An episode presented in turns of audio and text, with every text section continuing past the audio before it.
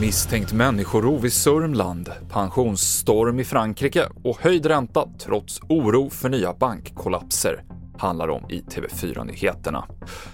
Ja, polisen i Sörmland misstänker att en 16-årig flicka från Gnesta har blivit utsatt för människorov. Hon försvann natten till lördag och anmäldes omgående försvunnen av sina föräldrar.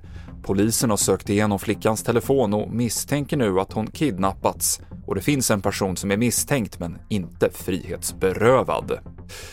Vi fortsätter med ekonomi. Trots oro för att högre räntor ska leda till problem för ännu fler banker så höjde idag Europeiska centralbanken styrräntan med 50 punkter. Den här turbulensen har definitivt påverkat banken, men nu har det ju varit turer fram och tillbaks. Eh, igår var det väldigt dramatiskt eh, när eh, det såg mycket illa ut för Credit Suisse och sen dess så har vi ju fått det här stora nödlånet från den schweiziska centralbanken till Credit Suisse som har lugnat ner situationen en hel del. Och jag tror att det var det som fällde avgörandet för ECB att ändå gå vidare med den här 50 punkters höjningar som man hade kommunicerat tidigare. Johan Javeus, chefsstrateg på SEB. Den mycket omtvistade reformen om att höja pensionsåldern i Frankrike från 62 till 64 år drevs idag igenom utan stöd efter att regeringen beslutat sig för att kringgå parlamentet. Det är ju sista utvägen för regeringen helt enkelt. Men det här är ju Macrons stora reform som han tycker måste genomföras för att reformera Frankrike eh, som har ett ohållbart pensionssystem.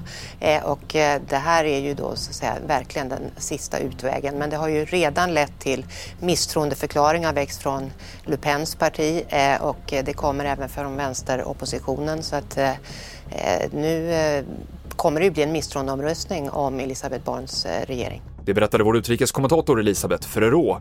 Och Polen kommer som första land att skicka stridsflyg till Ukraina och de fyra första MIG-planen kommer lämnas över under de närmsta dagarna, sa den polske presidenten idag. Resten av planen ska först genomgå underhåll. All vår rapportering om kriget i Ukraina hittar du på tv4.se. I studion idag Mikael Klintevall.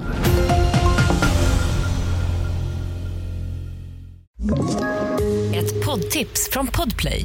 I fallen jag aldrig glömmer djupdyker Hasse Aro i arbetet bakom några av Sveriges mest uppseendeväckande brottsutredningar går vi in med hemlig telefonavlyssning och, och då upplever vi att vi får en total förändring av hans beteende. Vad är det som händer nu? Vem är det som läcker?